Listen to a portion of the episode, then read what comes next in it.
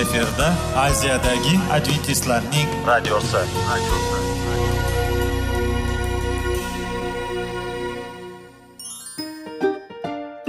assalomu alaykum aziz radio tinglovchilar sog'liq daqiqasi rubrikasiga xush kelibsiz. Zero tananing sog'lom bo'lishi va uning kasalliklardan saqlash har bir insonning burchi hisoblanadi. Inson uchun bebaho boylik bu sog'liq salomatlikdir. Uni asrash esa har birimizga omonat qilib berilgan.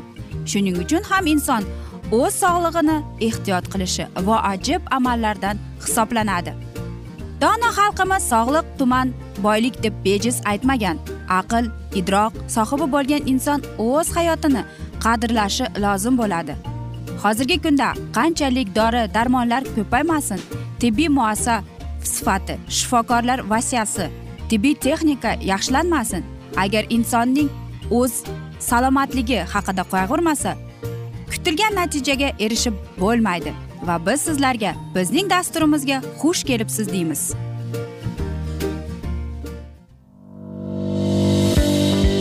Sog'liq daqiqasi soliqning kaliti qiziqarli ma'lumotlar faktlar. Har kuni siz uchun foydali maslahatlar. Sog'liq daqiqasi rubrikasi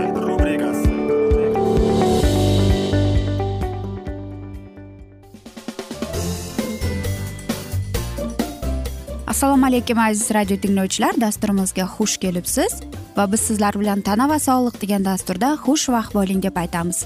Va bugungi bizning dasturimizning mavzusi ko'krak saratonining alomatlari deb nomlanadi. Albatta ko'krak saratoni bezi bu ayollarning kasalligi bo'lib aksariyat hollarda bu kasallik kech aniqlanadi. Chunki uning belgilariga yetarlicha ahamiyat berilmaydi. Aynan shunisi ham bilan u xavfli hisoblanadi.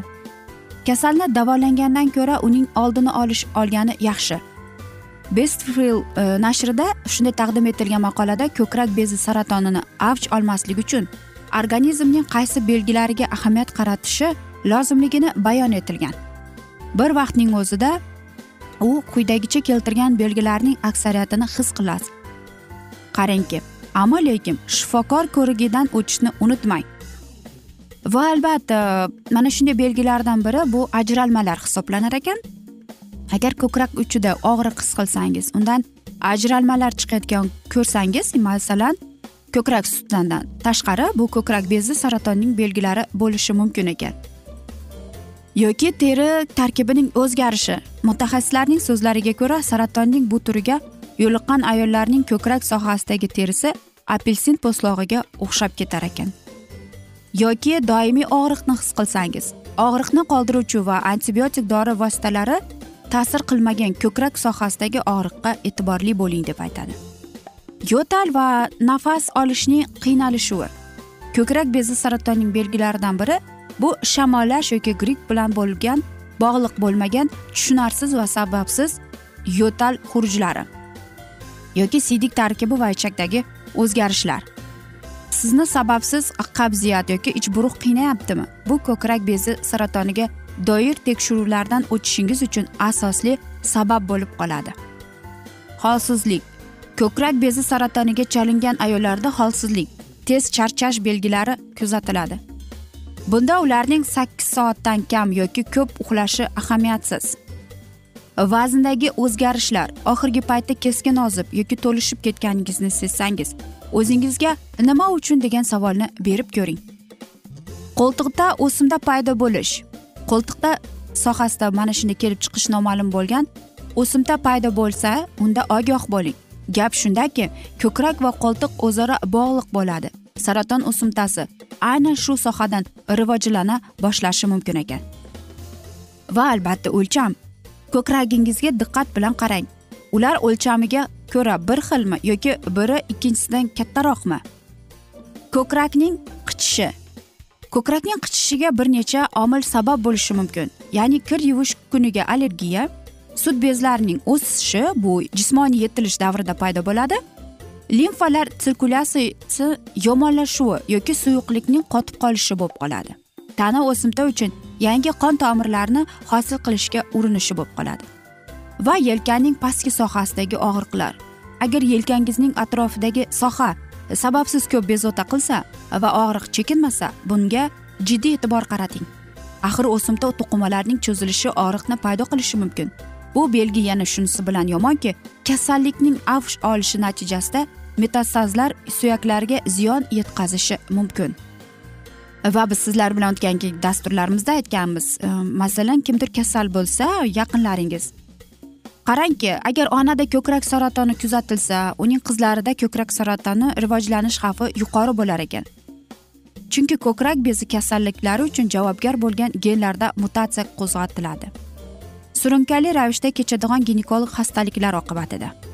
Tuxumdon bachadodangi surkali shamollash jarayonlari bachadan miomasi tuxumdon kistasi kabilalar ham ko'krak bezi kasalliklarini kelib chiqishiga asos bo'lib qoladi.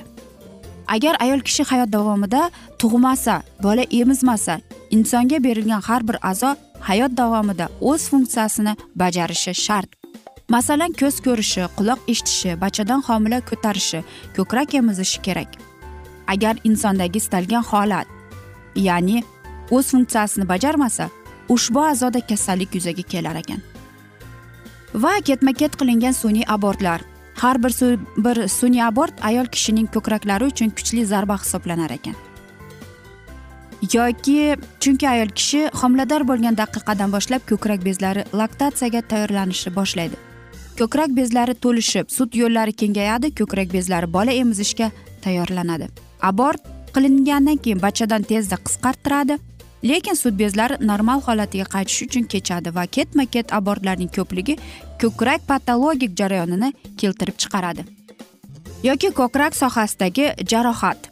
Ko'krak sohasiga yetgan jarohat oqibatida ko'krak bezi ezilib ba'zi hollarda gematoma hosil bo'ladi va natijada ko'krak bezi hujayralari atipik o'zgarish yuzaga keladi. Kuchli va davomli stress yoki gormonal balansning buzilishi aytaylik ortiqcha vazn va noto'g'ri ovqatlanish mastostopiya radiatsiya va mana shu kasalliklar mana shu tashxislar e, mana shu saraton bezi kasalligining belgilari hisoblanar ekan. Albatta biz aytamiz biz to'g'ri ovqatlanyapmiz deb. Ammo lekin ortiqcha vazn egalarida teri osti yog' qavatida ko'plab estrogen gormoni saqlanib qoladi. Ya'ni bu gormon keragidan ortiq bo'lib qoladi. Estrogen gormoni ortiqcha bo'lgan e, taqdirda ko'krak saratoni kasalligi chaqirish xususiyatiga ega bo'lib qoladi.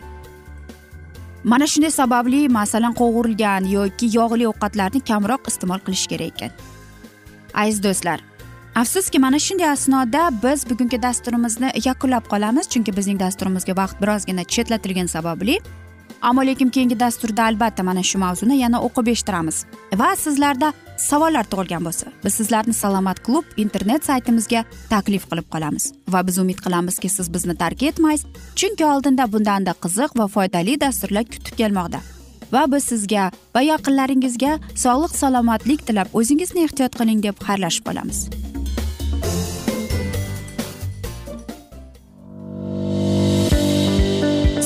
Daqiqasi soliqning kaliti qiziqarli ma'lumotlar faktlar.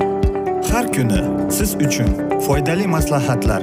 Sog'liq daqiqasi rubrikasi.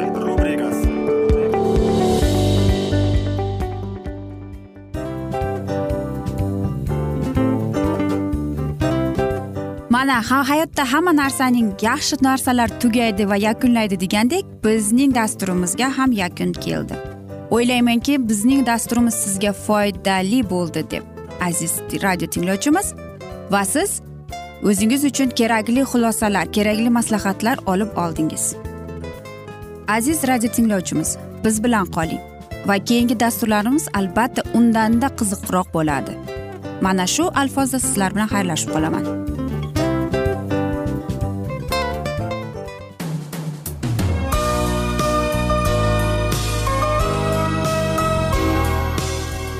Efirda aziyadagi adventistlarning radiosi.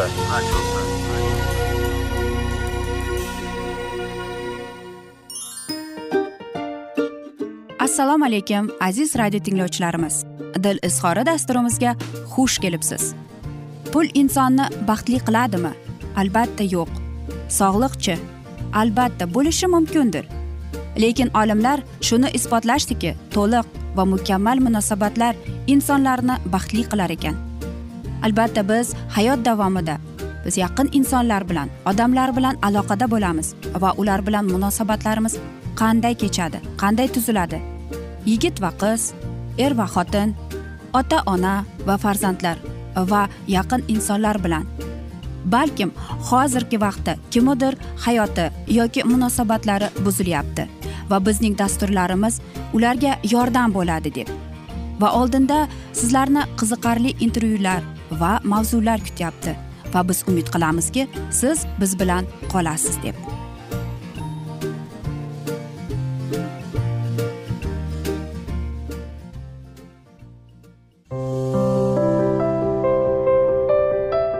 Har kuni har xil kasbdagi odamlar bilan sirlashish va bo'lishish sevgi rashq munosabat. Bularni hammasi dil izhori rubrikasida.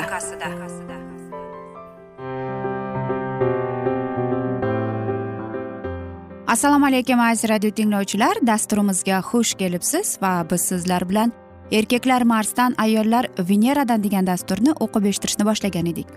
Va bugungi bizning dasturimizning mavzusi erkaklar qalbini zabt etishning o'nta usuli deb nomlanadi.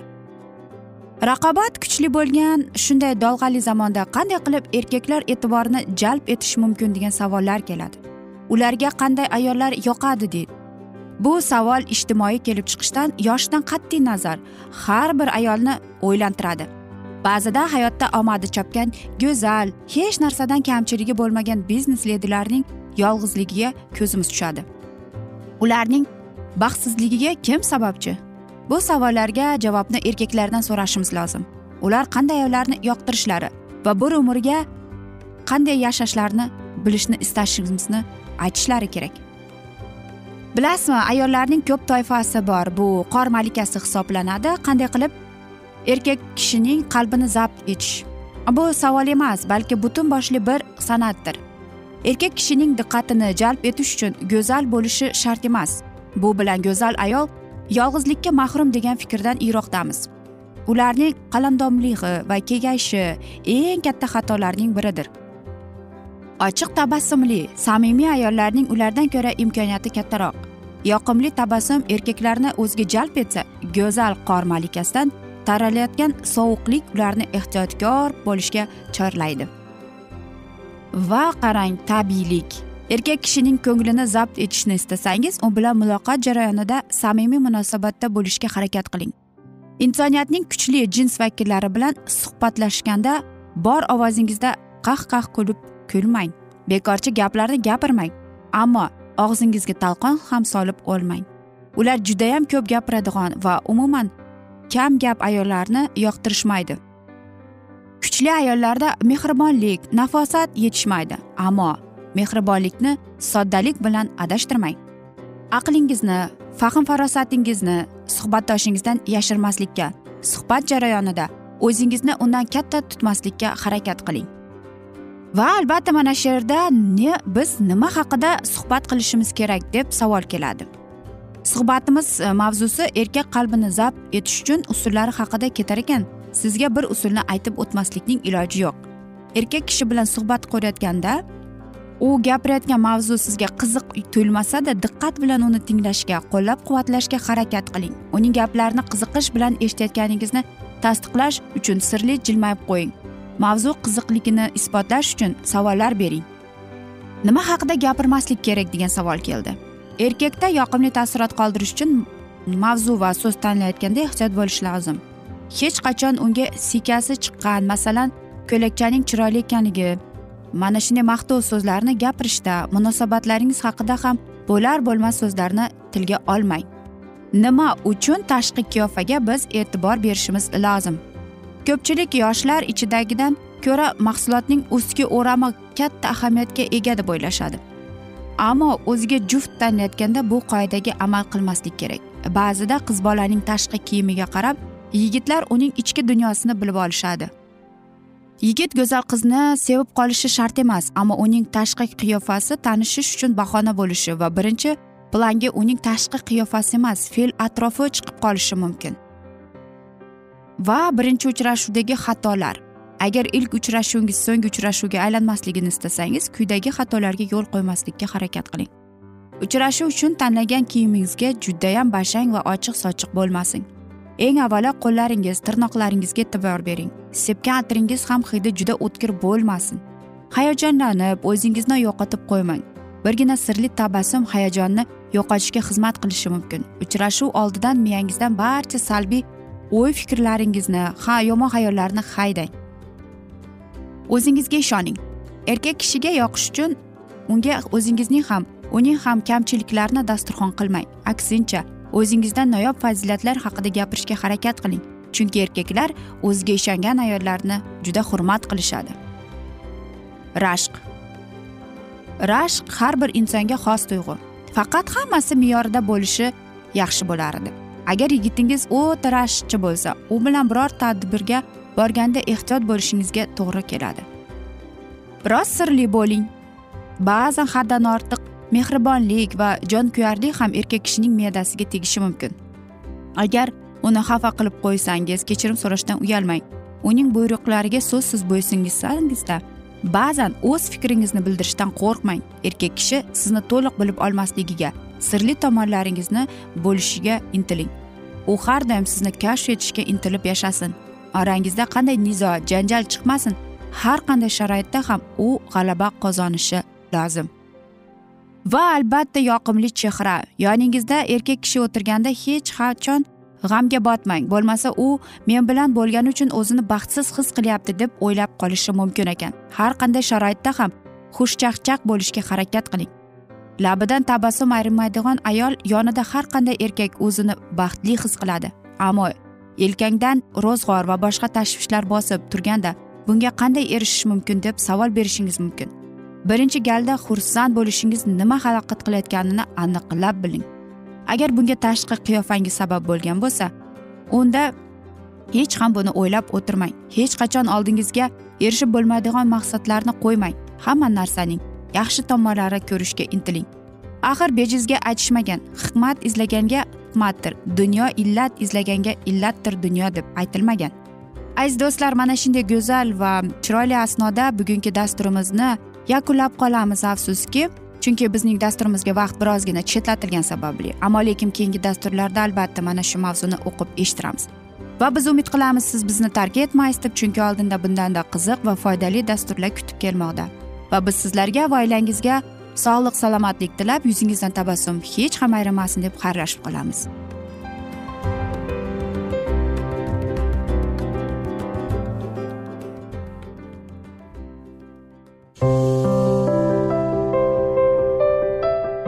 Har kuni har xil kasbdagi odamlar bilan sirlashish va bo'lishish sevgi rashq munosabat bularni hammasi dil izhori rubrikasida. Mana aziz radio tinglovchimiz bizning go'zal va foydali va chiroyli dasturimiz yakunlanib bormoqda. Sizlarga birozgina maslahat berib o'tmoqchi edik. Bir biringizni seving. Qadringizga yeting. Va erkalang albatta bir biringizni va sizga judayam chiroyli va mustahkam munosabatlar tilab qolamiz albatta. Sevgilingiz doimo yoningizda bo'lsin. Mana shu borada sizlar bilan xayrlashib qolamiz. Xayr.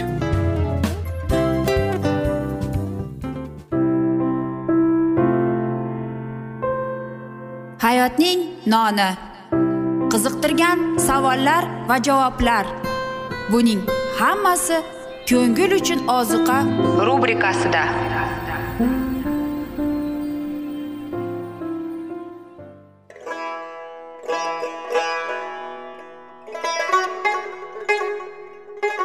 Assalomu alaykum aziz radio tinglovchilarimiz. Ko'ngil uchun oziqa rubrikasida xush kelibsiz deymiz. Siz haqiqatni izlayapsizmi? Olamnimi? Umidnimi? Siz kimga murojaat qilmoqchisiz? Odamlar ko'pincha siyosat kuchiga tayanadilar. Dunyo iqtisodiyoti holati tobora chuqurlashib bormoqda. Tabiiy ofatlar va texnogen halokatlar minglab insonlarning hayotini olib ketib juda katta zarar yetkazmoqda. Sizga abadiy hayot inomini hadya qiluvchi va hayotingizni tubdan o'zgartiruvchi haqiqatni izlab toping. Xudo haqidagi haqiqat uning kalomida mujassamlashgan. Kimki bu haqiqatni butun qalbi bilan izlasa albatta unga yetishadi. Bu sevgi xudoning tarixidir. Hayotingizda yoki sizning yon atrofingizdagi olamda nimalar yuz berishidan qat'iy nazar? Siz ertagi kunga buyuk umid va ishonch hosil qilishingiz mumkin. Hozirda xudo sizga taklif qilayotgan umid ishonchga o'z qalbingizni oching va sizni qiziqtirayotgan mavzularni savollaringizga javoblaringizni topib olasiz deb umid qilamiz. Biz bilan qoling.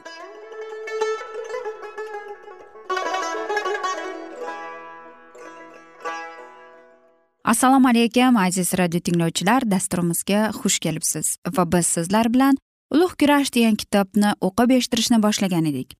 Va bizning bugungi dasturimizning mavzusi inkor etilgan ogohlantirish deb nomlanadi. Va biz sizlar bilan o'tgan galgi mavzuni bugun davom ettiramiz. Sodiq ustozlar xudoning kalomini tushuntirishni boshlashlari bilanoq shu zahoti olim erlar va xizmatchilar paydo bo'lib bitikni tushuntirishga o'z boshimchalik bilan da'vogarlik qiladilar. Shunday sog'lom ta'limotni bidat deb e'lon qilib haqiqat izlovchilarni haq yo'ldan adashtirishga harakat qiladilar. Agar dunyo bobilning qaynoq faxshu zino sharobidan ichmaganida edi ko'plab odamlar masihga yuz tutib xudoning aniq va ma'lum haqiqatlarini qabul qilgan bo'lar edi. Biroq diniy ta'limot shunchalik noaniq va tushunarsizki oddiy qilib aytganda odamlar nimaga ishonishni bilmay adashadilar.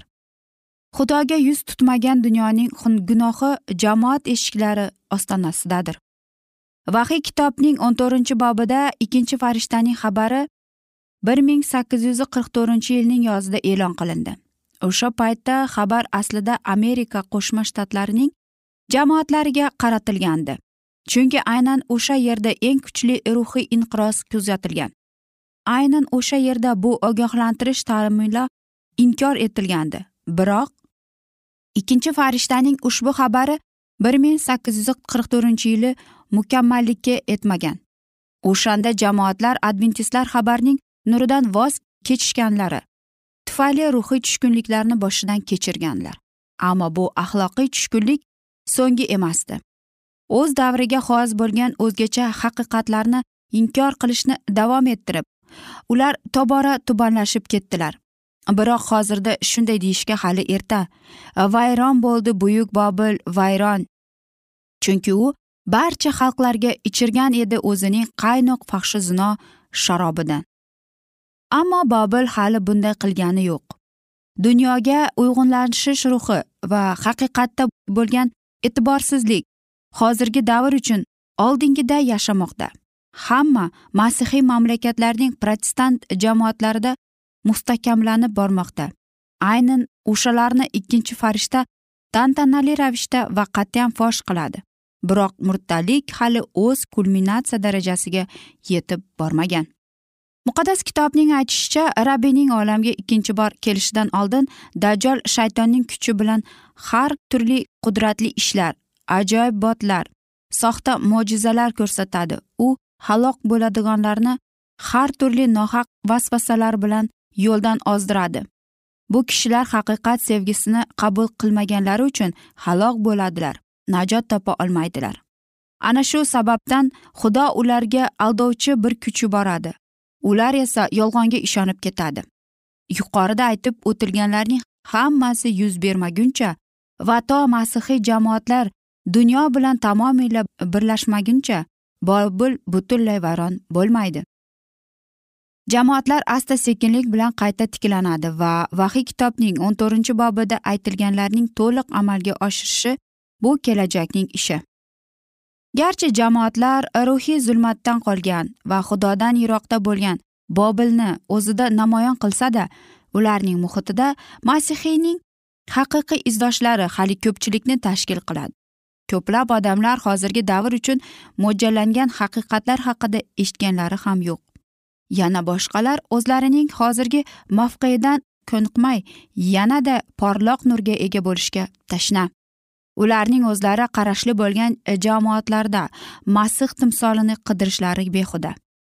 Bu jamoatlar qanchalik haqiqatdan uzoqlashib ularning dunyo bilan o'zaro munosabatlari yanada yaqinlashib borgan sari jamoat a'zolari o'rtasidagi tafovut shunchalik yakkol namoyon bo'laveradi va natijada a'zolar o'rtasida ixtilof yuz beradi.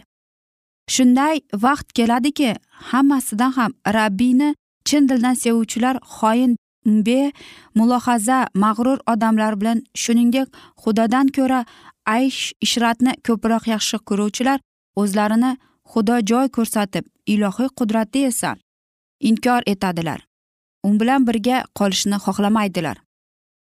Vahiy kitobning o'n sakkizinchi bobida jamoat uch marta ogohlantirishni rad etgandan so'ng bu she'rni siz muqaddas kitobning vahiy kitobida o'n to'rtinchi bob oltinchi oyatidan to o'n ikkinchi oyatigacha o'qib chiqsangiz bo'ladi. Ikkinchi farishta bashorat qilgan holatda tushib qolishi vaqt ko'rsatilgan. Ana shunda bobilda bo'lgan xudoning xalqi uni tark etib ketishga da'vat qilinadi. Dunyo uchun bu so'nggi xabar bo'ladi va u o'z vazifasini bajaradi.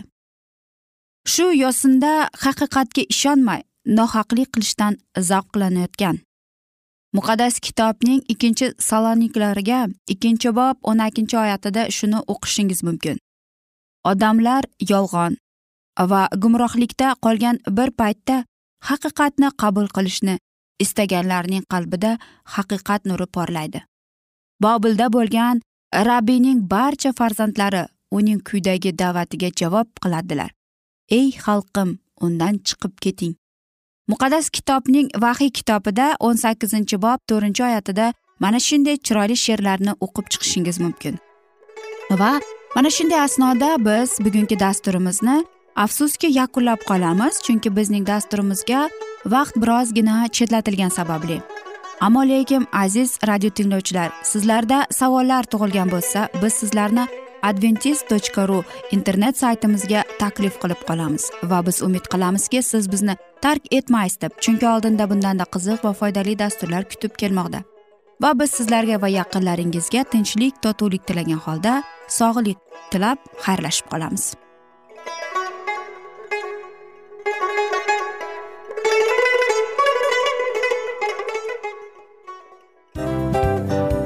A afsus afsus.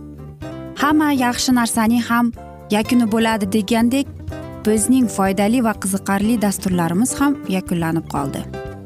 Va men umid qilamanki bizning dasturlar sizga ozgina bo'lsada maslahat berdi foyda berdi. Va sog'liq borasida ayniqsa sizlarga foydali bo'ldi deb. Va siz bizning maslahatlarga amal qilasiz deb. Albatta keyingi dasturlarda undanda qiziqroq undanda foydaliroq ma'lumot berishga harakat qilamiz. Undada qiziqroq ko'rsatuvlar sizlarga hadya etishga harakat qilamiz. Bizni tanlaganingizga albatta sizlardan minnatdormiz. Sizlarga baxt omad va sog'liq tilab qolgan holda mana shu alfozda sizlar bilan xayrlashib qolamiz. O'zingizni ehtiyot qiling sog' bo'ling omad sizga xayr.